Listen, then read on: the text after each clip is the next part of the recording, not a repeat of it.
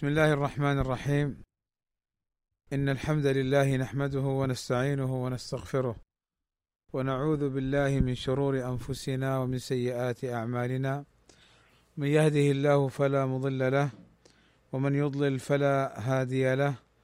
وأشهد أن لا إله إلا الله وحده لا شريك له وأشهد أن محمدا عبده ورسوله. ألا وإن أصدق الكلام كلام الله.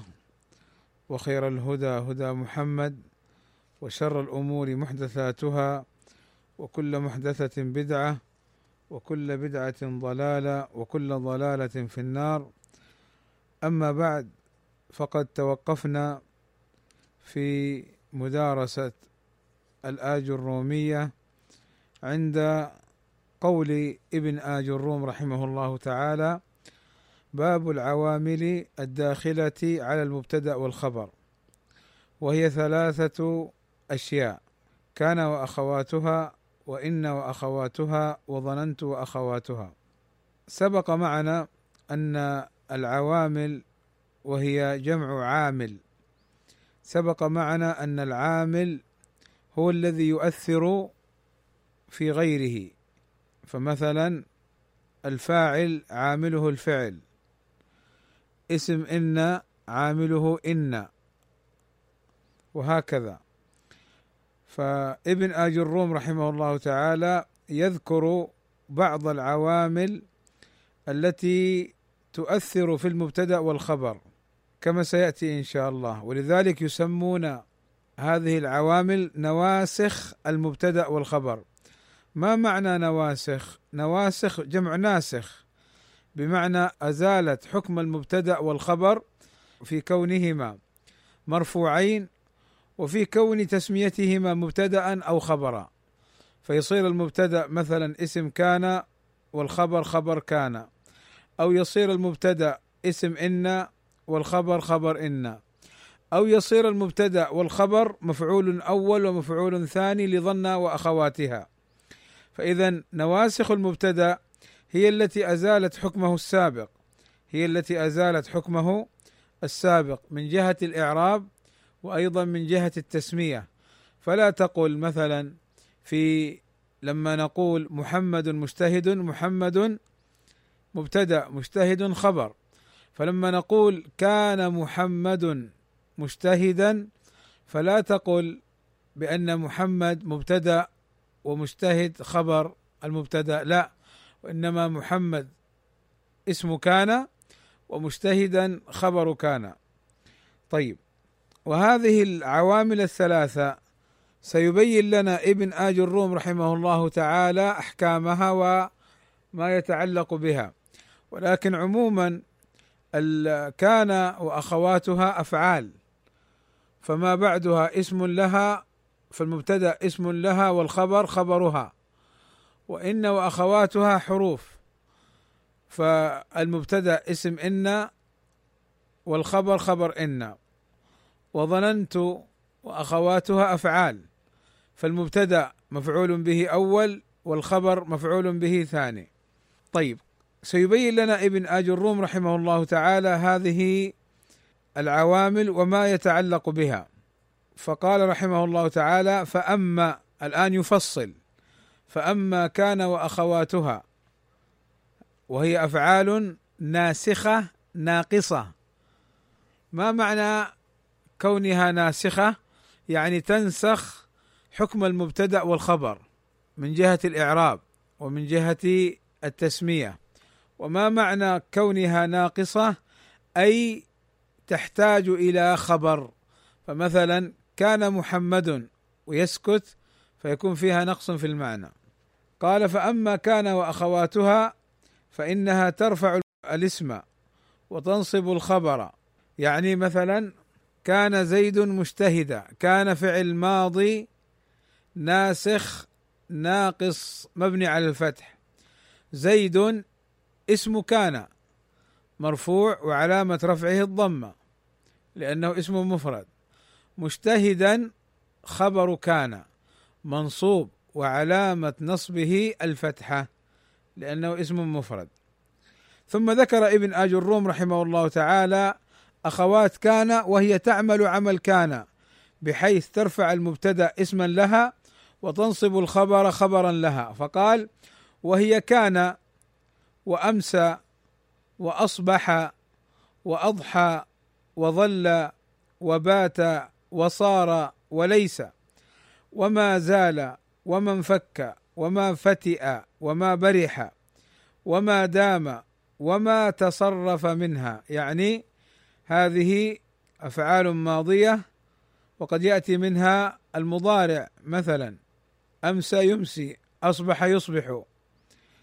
قال نحو كان ويكون وكن. كان فعل ماضي ويكون فعل مضارع وكن فعل أمر. وأصبح ويصبح وأصبح أصبح فعل ماضي ويصبح فعل مضارع وأصبح فعل أمر. فمعنى قوله وما تصرف منها أي وما جاء منها على صيغة الماضي أو على صيغة المضارع أو على صيغة الأمر. قال تقول أي في كلام العرب كان زيد قائما وليس عمرو شاخصا. وما أشبه ذلك. فهنا بين لنا ابن آج الروم رحمه الله تعالى بين لنا ثلاثة أمور. الأمر الأول عمل كان وأخواتها فعملها أنها ترفع المبتدأ اسما لها وتنصب الخبر خبرا لها. ثم بين لنا ما أخوات كان فبين أنه كان وأمس إلى آخره. ثم بين لنا أيضا أن كان وأخواتها قد تأتي على لفظ الماضي وتأتي على لفظ المضارع وتأتي على لفظ الأمر كما سيأتي إن شاء الله تعالى. قالوا في معاني هذه الأفعال قالوا كان يفيد اتصاف الاسم بالخبر في الماضي وقد يكون مع الانقطاع وقد يكون مع الاستمرار. فلا يلزم من كان أن الأمر قد انتهى. فلو قال لك قائل كنت مجتهدا فلا تقل له يعني الآن لست مجتهدا وإنما تستفهم منه ما مرادك لأنه كان قد تفيد الاستمرار وقد تفيد الانقطاع. يعني ما الاستمرار؟ مثلا تقول له كنت مجتهدا والمعنى أنك لا زلت مجتهدا وقد تقصد كنت مجتهدا في الماضي والآن تغيرت فلم تعد مجتهدا. الثاني أمسى قالوا وهو يفيد اتصاف الاسم بالخبر في المساء. أي في وقت المساء وأصبح يفيد اتصاف الاسم بالخبر في الصباح وأضحى يفيد اتصاف الاسم بالخبر في الضحى وظل يفيد اتصاف الاسم بالخبر في جميع النهار وبات يفيد اتصاف الاسم بالخبر في وقت البيات وهو الليل وصار يفيد تحول الاسم من حالته إلى حالة أخرى كقولك صار العنب زبيبا والثامن أي من الأفعال ليس. قالوا وهو يفيد نفي الخبر عن الاسم في وقت الحال. ليس عمرو موجودا أي الآن.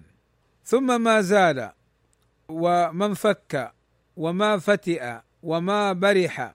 هذه الأفعال الأربعة قالوا تدل على ملازمة الخبر للاسم حسب ما يقتضيه الحال. قالوا وما دام يفيد ملازمة الخبر للاسم أيضا كقوله ما دمت حيا. قال النحاة هذه الأفعال وهي ثلاثة عشر تنقسم إلى ثلاثة أقسام من جهة العمل وشرطه. القسم الأول ما يعمل هذا العمل بشرط تقدم ما المصدرية الظرفية. مثل ما زال بشرط تقدم ما المصدرية الظرفية وهي مثل ما دام فلا يعمل دام إلا إذا تقدمت عليه ما الظرفية المصدرية. ما دمت حيا فما مصدرية ظرفية أي مدة دوامي أي مدة دوامي. ودمت فعل ماضي والتاء ضمير متصل مبني في محل رفع اسم دمت وحي خبر دمت منصوب علامة نصبه الفتحة. إذا القسم الأول ما يعمل هذا العمل بشرط تقدم ما وهي ما دام. القسم الثاني ما يعمل هذا العمل بشرط أن يتقدم عليه نفي نفي أو استفهام أو نهي وهو أربعة أفعال. زال وانفك وفتئ وبرح. ما زال ما انفك ما فتئ ما برح. أو نهي أو استفهام. أما النهي مثلا كقولك لا تزل وكقولك لا تنفك وأما الاستفهام أزال أو انفك أو نحو ذلك. اذا الثاني أن تتقدم بما الاستفهامية أو النافية أو النهي أن تسبق بذلك. وأما الثالث ما يعمل هذا العمل بلا شرط وهي بقية الأفعال وهي بقية الأفعال. هذا من جهة ماذا؟ هذا من جهة العمل. فحتى ترفع المبتدأ اسما لها وتنصب الخبر خبرا لها يقول النحاة إن مقتضى كلام العرب أن دام لا بد أن تسبق بماء المصدرية الظرفية. وأن ما زال أو زال وانفك وبرح وفتئ لا بد أن تسبق بنفي أو استفهام أو نهي. وأما بقية الأفعال فلا يشترط فيها تقدم نفي أو استفهام. قد يتقدم وقد لا يتقدم ولكن ليس شرطا لها. كقولك أكان زيد مجتهدا لكن ليست من باب الشرط حتى تعمل. وأما ما دام لا تعمل إلا إذا سبقت بما الظرفية المصدرية. وزال وفتئ وبرح وانفك لا بد أن تسبق بنفي أو استفهام أو نهي. وأما بقية الأفعال فلا يشترط هذا. وأما من جهة التصرف يعني هل كان وأخواتها كلها تأتي ماضيا وتأتي مضارعا وتأتي امرا؟ فالنحاة يقولون إنها تنقسم إلى ثلاثة أقسام. من الأفعال ما يتصرف تصرفا كاملا يعني يأتي منه المضارع والماضي والأمر. قالوا وهي كان وامسى وأصبح وأضحى وظل وبات وصار. كان يكون كن أمسى يمسي أمسي. أصبح يصبح أصبح أضحى يضحي أضحي. ظل يظل ظل بات يبيت بت وصار يصير صر. فتأتي منها الماضي والمضارع والأمر. ومن الأفعال ما يتصرف تصرفا ناقصا. ما معنى التصرف الناقص؟ يعني لا يأتي منه الأمر يأتي منه فقط المضارع والماضي وهي فتئ يفتأ وانفك ينفك وبرح يبرح نبرح وزال يزال. فهذه يأتي منها الماضي والمضارع الأفعال الأربعة. ولا يأتي منها الأمر. وهي ماذا كما سبق؟ فتئ وانفك وبرح وزال. وقسم لا يتصرف أصلا يعني ما يأتي منه إلا الماضي. وهي ليس. وهذا باتفاق النحاة. ودام على الأصح يعني هناك خلاف. هناك خلاف ولكن الأصح أنه لا يأتي منها إلا الماضي. ثم قال بعد ذلك إن وأخواتها. وقبل أن ننتقل إلى إن وأخواتها أنبه إلى أن الماضي أو المضارع أو الأمر يعني يعملون عمل الماضي. مثلا كان زيد مجتهدا فكان فعل ماضي ناقص ناسخ. زيد اسم كان مرفوع وعلامة رفعه الضمة ومجتهدا خبر. تقول يكون زيد مجتهدا كذلك يكون فعل مضارع مرفوع وعلامة رفعه الضمة. وزيد اسمه مرفوع وعلامة رفعه الضمة. ومجتهدا خبر يكون. وتقول مخاطبا زيدا كن مجتهدا فنقول كن فعل أمر ماض ناقص ناسخ. واسمه ضمير مستتر وجوبا تقديره أنت كن أنت. مجتهدا خبر كن منصوب علامة نصبه الفتحة. ثم ذكر ابن آج الروم رحمه الله تعالى إن وأخواتها وإن وأخواتها تنصب المبتدأ اسما لها وترفع خبر المبتدأ خبرا لها. فقال رحمه الله تعالى وأما إن وأخواتها فإنها تنصب الاسم وترفع الخبر وهي إن وأن ولكن وكأن وليت ولعل. تقول إن زيدا قائم وليت عمرا شاخص وما أشبه ذلك. ثم بين معاني هذه الحروف.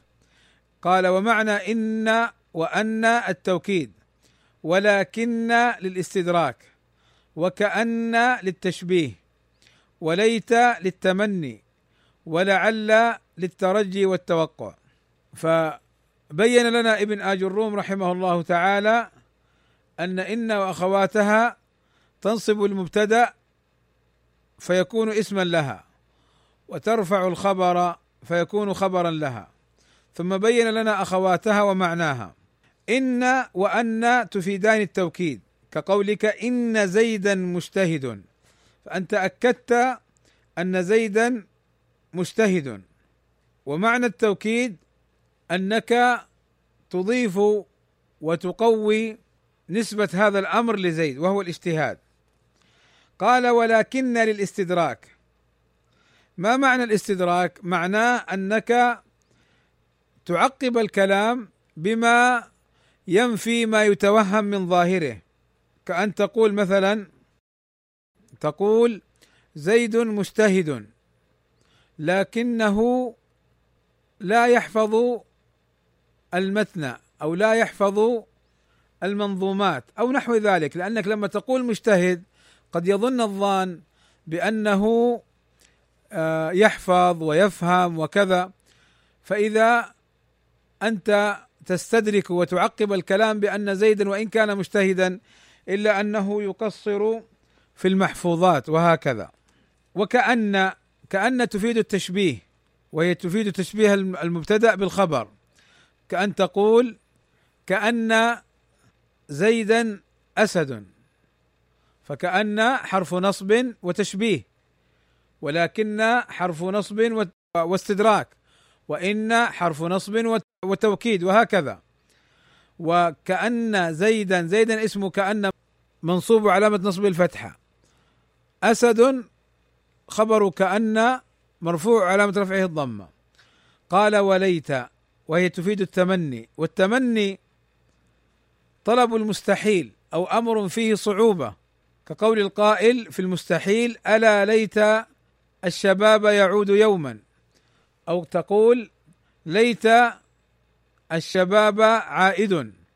أو الأمر الصعب كأن تقول ليت الكسول يجتهد أو ينجح؟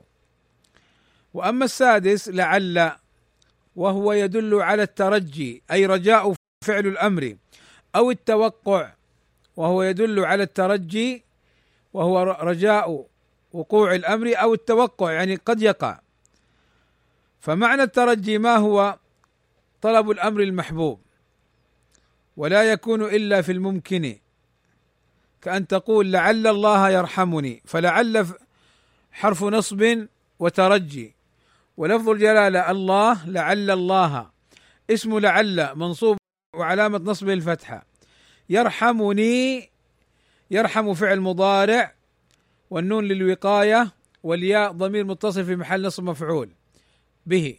يرحمني والفاعل ضمير مستتر جوازا تقديره هو. ويرحمني الفعل المضارع هذا خبر لعل. مر معنا في المبتدأ والخبر أن الخبر قد يكون مفردا وقد يكون غير مفرد وغير المفرد قد يكون جملة وقد يكون شبه جملة والجملة قد يكون فعلية وقد يكون اسمية. فهنا يرحمني خبر غير مفرد جملة فعلية. هذا معنى الترجي ترجي وقوع الأمر المحبوب والتوقع انتظار وقوع الأمر المكروه.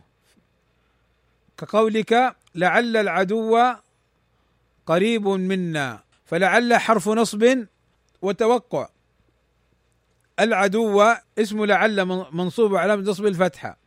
قريب خبر لعل مرفوع وعلامة رفعه الضمة منا جار ومجرور. ثم بين ابن آج الروم رحمه الله تعالى ما يتعلق بظن وأخواتها حيث قال رحمه الله تعالى وأما ظننت وأخواتها. هنا ابن آج الروم ذكر باب ظن وأخواتها وكان الأنسب أن يذكره في باب المنصوبات الذي سيأتي بإذن الله تعالى. فالسؤال لماذا ذكر ظن وأخواتها؟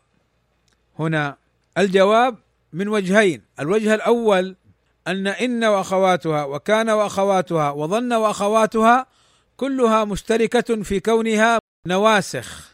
والأمر الثاني أيضا كلها مشتركة في كونها تدخل على المبتدأ والخبر فتغير حكمه. فمن باب إتمام الكلام ذكر ظن وأخواتها وإلا فحقه أن يكون في باب المنصوبات لأن عمل ظن في المبتدأ والخبر يجعل المبتدأ مفعولا به أول منصوب ويجعل الخبر مفعولا به ثاني منصوب. فحقه هناك ولكن ذكره هنا لما سبق. فإن قيل لما ذكر إن وأخواتها وكان وأخواتها في المرفوعات أقول لما سبق. من كون اسم كان مرفوع وكون خبر إن مرفوع فقدمه ها هنا. قال ابن آج الروم رحمه الله تعالى وأما ظننت وأخواتها فإنها تنصب المبتدأ والخبر على أنهما مفعولان لها. وهي ظننت وحسبت وخلت وزعمت ورأيت وعلمت ووجدت واتخذت وجعلت وسمعت تقول ظننت زيدا قائما ورأيت عمرا شاخصا وما أشبه ذلك.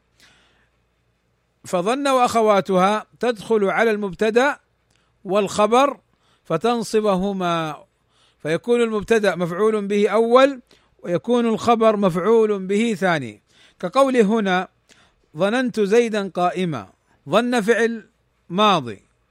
ظن فعل ماضي. والتاء ضمير مبني متصل في محل رفع فاعل ظن. زيدا مفعول به أول منصوب. قائما مفعول به ثاني منصوب. أصلها زيد قائم. مبتدأ وخبر. ثم دخلت عليها ظن فصارت ظننت زيدا قائما. طيب أخوات ظن لها معاني. أخوات ظن لها معاني. وهي الظن ونحوه. وقد ذكروا أن هذه الأفعال تنقسم إلى أربعة أقسام. ما يفيد ترجيح وقوع الخبر. وهي ظننت وحسبت وخلت وزعمت. وهي ظننت وحسبت وخلت وزعمت. والثاني ما يفيد اليقين وتحقيق وقوع الخبر وهي ثلاثة أفعال رأيت وعلمت ووجدت. والثالث ما يفيد التصيير والانتقال وهي فعلان اتخذت وجعلت. والرابع ما يفيد النسبة في السمع وهي فعل واحد وهي سمعت. إذا هذه الأفعال لما نذكر معانيها في كان وأخواتها في ظننت حتى تستعمل الاستعمال الصحيح فلا تستعمل في غير المعنى الذي استعمله العرب فيه. فلا تقل في الأمر اليقيني مثلا ظننت وإنما رأيت وعلمت ووجدت. وهكذا. فإذا بارك الله فيكم. بهذا نكون قد انتهينا من هذه النواسخ. كان وأخواتها وإن وأخواتها وظن وأخواتها. وقلنا كما سبق بأن كان وأخواتها ترفع المبتدأ اسما لها وتنصب الخبر خبرا لها وأن كان وأخواتها باعتبار العمل ثلاثة أقسام. منها ما تعمل بشرط تقدم ما المصدرية الظرفية وهي دام ما دام. ومنها ما تعمل بشرط تقدم استفهام أو نفي أو نهي وهي ما زال وما برح وما انفك وما فتئ. ومنها ما يعمل بلا شرط وهي الباقي. وأن كان وأخواتها من جهة التصرف ماضي أو مضارع أو أمر منها ما يتصرف ماضيا أو مضارعا أو أمر تصرفا كاملا. وهي كان وامسى وأصبح وظل وأضحى وبات وصار. ومنها ما يأتي منها فقط المضارع والماضي. وهي ما فتئ وما انفك وما برح وما زال. ومنها ما لا يتصرف بالاتفاق وهي ليس. وعلى الأصح وهي دام. وقد مر معنا أن هذه الأفعال ماضيا أو مضارعا أو امرا فإنها تعمل هذا العمل نفسه ترفع المبتدأ اسما لها وتنصب الخبر خبرا لها. وأما إن وأخواتها فهي تنصب المبتدأ اسما لها وترفع الخبر خبرا لها. ومر معنا أن معاني أخوات إن كما مر معنا معاني أخوات كان.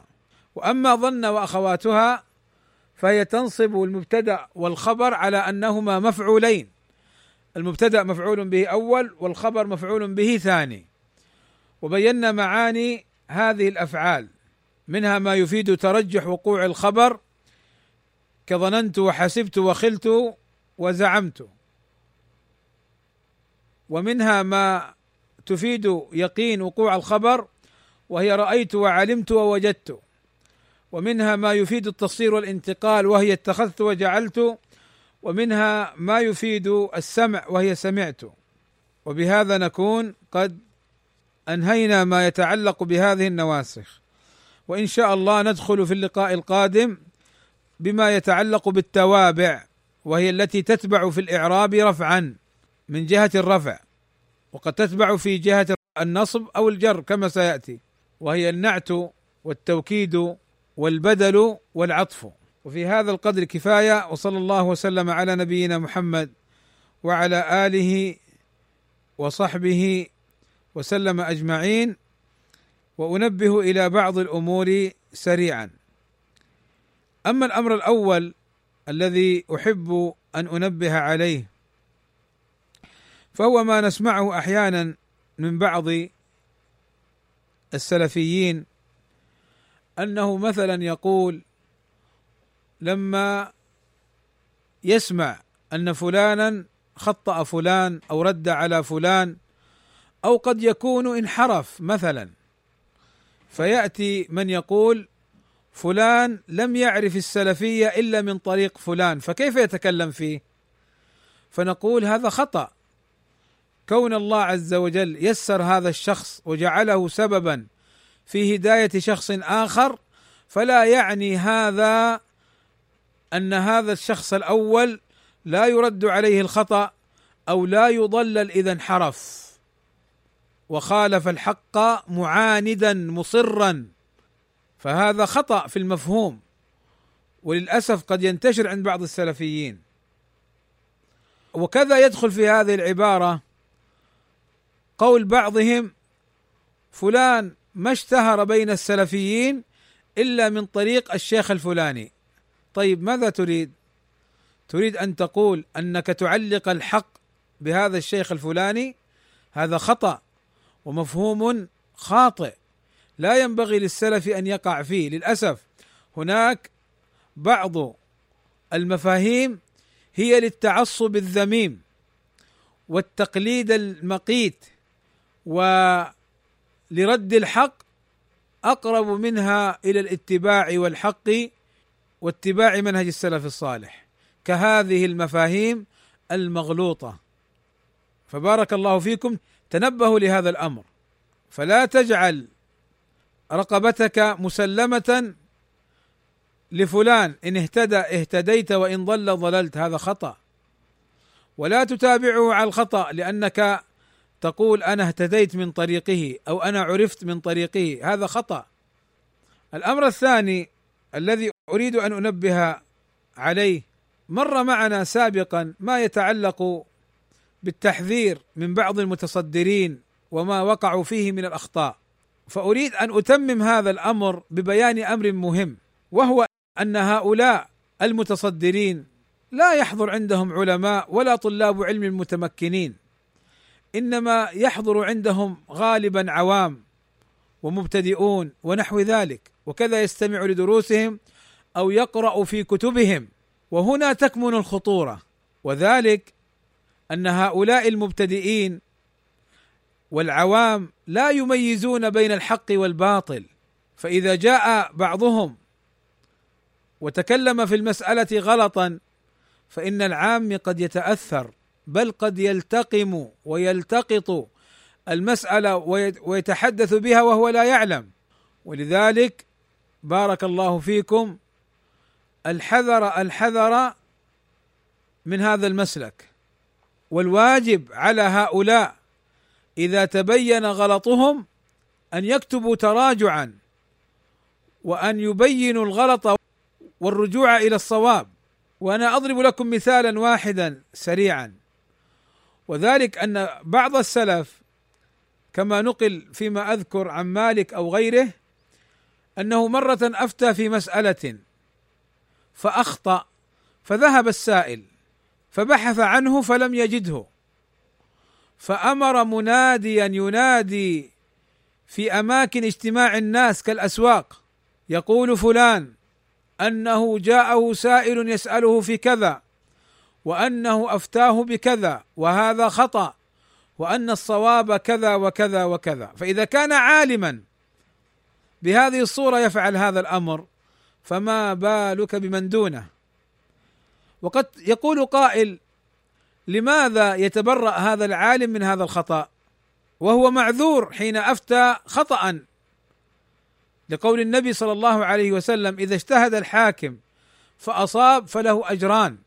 وإذا أخطأ فله أجر واحد. فلماذا يفعل هذا الأمر؟ الجواب أن العالم إذا تبين له الخطأ وجب عليه الرجوع والتراجع إلا الذين تابوا وأصلحوا وبينوا فوجب عليه الرجوع. لكن لو مات العالم أو ما درى عن الخطأ فهنا يعذر. أما إذا علم فالواجب شرعا أن يتراجع. طبعا هنا نقول بالخطأ بمعنى الخطأ البين المخالف للدليل. أما كونه يخطئ في الاجتهاد من اجتهاد إلى اجتهاد هذه مسألة أخرى. هذا أمر في الجواب عن لماذا يفعل مالك أو غيره من السلف مثل هذه الأفعال. فالواجب أن يبين. الأمر الثاني أن هذا الخطأ قد ينتشر عند الناس وعند العوام وقد يكون منسوبا إلى عالم فتكون تبعة هذه الأخطاء على هذا العالم إذا علم. ولذلك كان بعض العلماء حينما يرد على المقلدين المتعصبين الذين يلزمون الناس بقول العالم كان يقول أنا الذي لا أدعو إلى تقليد العالم خير له منكم أنتم الذين تزعمون تعظيمه واحترامه وتقديره. قالوا كيف؟ قالوا العالم إذا أخطأ وتبعه الناس على هذا الخطأ تحمل ويسأل ولكن إذا بينت أنه أخطأ وأن هذا الصواب في كذا وكذا على الناس والعوام يتركون الخطأ ويأخذون الصواب. فأينا خير لصاحبه أنا أم أنتم؟ فلا شك أن الذي يبين الخطأ ولا يقلد العالم في خطئه هو الأنفع والأفضل للعالم. فإذا كان هذا مع العلماء الذين هم متمكنون في العلم فكيف بمن دونهم؟ فكيف بمن دونهم؟ كيف بمن يخطئ في مسائل عقدية؟ هذاك السائل في مسألة فقهية. فكيف بمن يفتي في مسألة عقدية؟ كأن يقال في استوى استولى. فإن هذا خطأ ولا يقال في هذا اللفظ ما قصد. نية وقصده عند الله نحن لا نحاسبه. ولكن نحن نحكم على ظاهر اللفظ.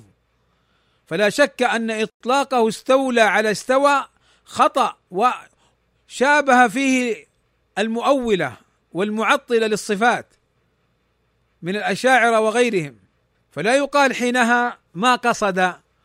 ولذلك ينبغي أن أن يتنبه أن العالم أو حتى طالب العلم إذا تبين له الحق ورد إنما يرد على ظاهر اللفظ أما قصده والاعتذار له هذا باب آخر ولكن لابد أن يرد على هذا اللفظ وأن يبين أنه أخطأ فيه وأن يتراجع عنه التراجع الصحيح. يعني الآن على قضية ما قصد أنا أقول استولى وأقصد استوى يصح هذا؟ لا ما يصح. ما يجوز. مخالف لمنهج السلف. الرحمن على العرش استوى. على وصعد.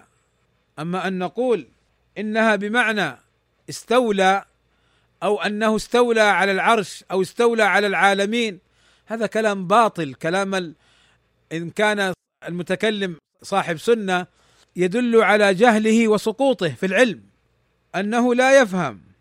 فبارك الله فيكم. ينبغي أن نراعي هذا الأمر. فكيف بالعوام الذين يسمعون مثل هذا الكلام ولا يعرفون لا قصد ولا فصد وإنما يسمعون الكلام من المتكلم هذا فيتلقفون هذه المعاني الباطلة والألفاظ الباطلة. وكيف بمن يسمع أن الميزان صفة الرحمن؟ فبارك الله فيكم. هذه مسائل دقيقة ومسائل مهمة أعني التنبيه على هذه الأخطاء والاستواء معلوم. عند صغار طلبة العلم السلفيين لأنها من المسائل التي وقع فيها الاشتباك بين أهل السنة وأهل البدعة. فلا يقال فيها أي في الاستواء أو العلو بأنها مسائل لا يدركها إلا العلماء. هذا خطأ. وكيف بمن يفتي بأن الرافضه حلال الدم ويفتي بالتفجير في المساجد؟ فيسمع هذا من يسمعه ويتأثر. فلا شك أن هذا خطأ. ولذلك التنبيه الذي أريد أن أنبه عليه اولا ينبغي لطلبة العلم وينبغي للمبتدئين وللعوام أن يرجعوا للعلماء المعتبرين في علمهم ودينهم. الأمر الثاني ينبغي لمن أخطأ أن يتراجع التراجع الصحيح لأن بعض الناس قد يتراجع تراجع فيه لعب. يطعن في الصحابة ثم يقول ما قصدت. يطعن في الأحاديث على طريقة المتكلمين وطريقة الأشاعرة والمعتزلة ويقول ما قصدت؟ لا يجب أن تقول أخطأت في هذا اللفظ وأخطأت في هذا الكلام والصواب كذا وكذا وكذا كما فعل العلماء في هذا الباب. فبارك الله فيكم. هذه من الأمور التي ما فيها لعب وما فيها محاباة. يجب على المخطئ أن يتراجع.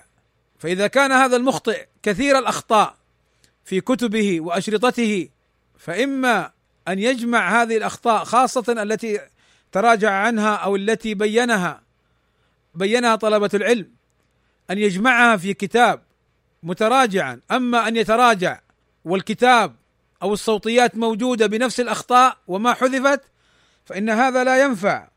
صحيح البخاري أحاديث النبي صلى الله عليه وسلم أجمعت الأمة على صحة ما في الصحيحين. إلا بعض الأحرف اليسيرة كما قال ابن الصلاح. فهل يقال في أحاديث النبي صلى الله عليه وسلم أن صحيح البخاري إذا أحدث فتنة فإنه يترك؟ ما هذا الكلام؟ منتشر مثل هذا الكلام. تراجع طيب لابد أن أن يحذف هذا الكلام وأن يبين بيانا واضحا للناس وأن يبين بيانا واضحا للناس. فإذا بارك الله فيكم. لابد أن يبين العالم هذا الكلام أذكر الشيخ ربيع حفظه الله تعالى في بعض ردوده المكتوبة وسمعته أيضا من لفظه لما قيل له يا شيخ ربيع إن سيد قطب تراجع لما قيل له إن سيد قطب تراجع فخلاص لماذا ترد عليه؟ قال لم يثبت عندي تراجعه ولو ثبت تراجعه ونرجو هذا ولكن لا زالت أخطاؤه في كتبه مطبوعة وتطبع. والناس يقفون عليه فكان واجبا علي أن أرد عليه أو كلاما نحوه فكذلك هذا وسيد قطب عند الناس يعني غير معتبر أصلا إلا شهرة. ولكن ما حد يقرأ في كتبه. الناس ما تحب كتبه. فكيف بمن هو عالم أو طالب علم ويعتبر سلفي؟ ويثنى عليه ويمدح. فبالله عليكم قولوا لي ما حال العوام وطلاب العلم المبتدئين مع ما يصدر منهم من أخطاء؟ ولو تراجع عنها إما تراجع مخفي يعني قاله مرة وانتهى أو أرسلوا لي على الإيميل ولا زالت الأخطاء موجودة في الأشرطة والكتب أو تراجع في الحقيقة هو ليست بتراجع كأن يكون طعن في صحابي ولم يتراجع التراجع الصحيح بأن يعتذر وكلامي باطل في حق الصحابة وأنه يجب الإمساك عن أي كلام يشعر بانتقاص أو الطعن في الصحابة أو واحد يطعن في عالم سلفي كالشيخ مقبل رحمه الله تعالى ويرميه بالخارجية ثم يتراجع تراجعا هزيلا أو يطعن في أحاديث الصفات ثم يتراجع بتراجع أشد من يعني أو قريب من من خطئه الأول. ولذلك هذه المسألة إخواني بارك الله فيكم أنا أعلم أنها شديدة وصريحة ولكنه الحق. والحق ثقيل يحتاج إلى قلوب مطمئنة ترضى به. لأن بعض الناس قد يأتي يقول يا أخي خذ حسناته خذ السنة واترك الباطل. أقول يا أخي أنا ما أتكلم عن عالم وعن طالب علم مميز. أنا أتكلم عن عوام ومبتدئين وعن خطأ منتشر. طيب لماذا لم نقل في فلان وفلان؟ خذ الصواب واترك الخطأ. لماذا حذرنا من الأخطاء؟ لأن الخطأ يحذر منه. فدعوا منهج الموازنات ومنهج الألعوبات في باب التقليد وتعظيم الشخصيات. وقد ذكر بعض أهل العلم أن تقديس الأشخاص باب يقود صاحبه إلى الغلو. وإلى رد الحق وقبول الباطل. أمور وعجائب ومصائب ومحن وإحن نجدها في الساحة السلفية. المراد التنقية والتصفية. المراد التنبيه. المراد التحذير منها. نعم الحمد لله. العلماء موجودون وطلاب العلم موجودون. ولكن أيضا لا بد من التحذير من هذه الأخطاء ومن بيانها للناس حتى يرجعوا إلى الحق وحتى يتبين لهم مسلك السلف الصالح في هذه الأبواب. وأكتفي بهذا القدر. أسأل الله عز وجل أن يرزقني وإياكم الإخلاص في القول والعمل. وصلى الله وسلم على نبينا محمد وعلى آله وصحبه وسلم أجمعين. والحمد لله رب العالمين.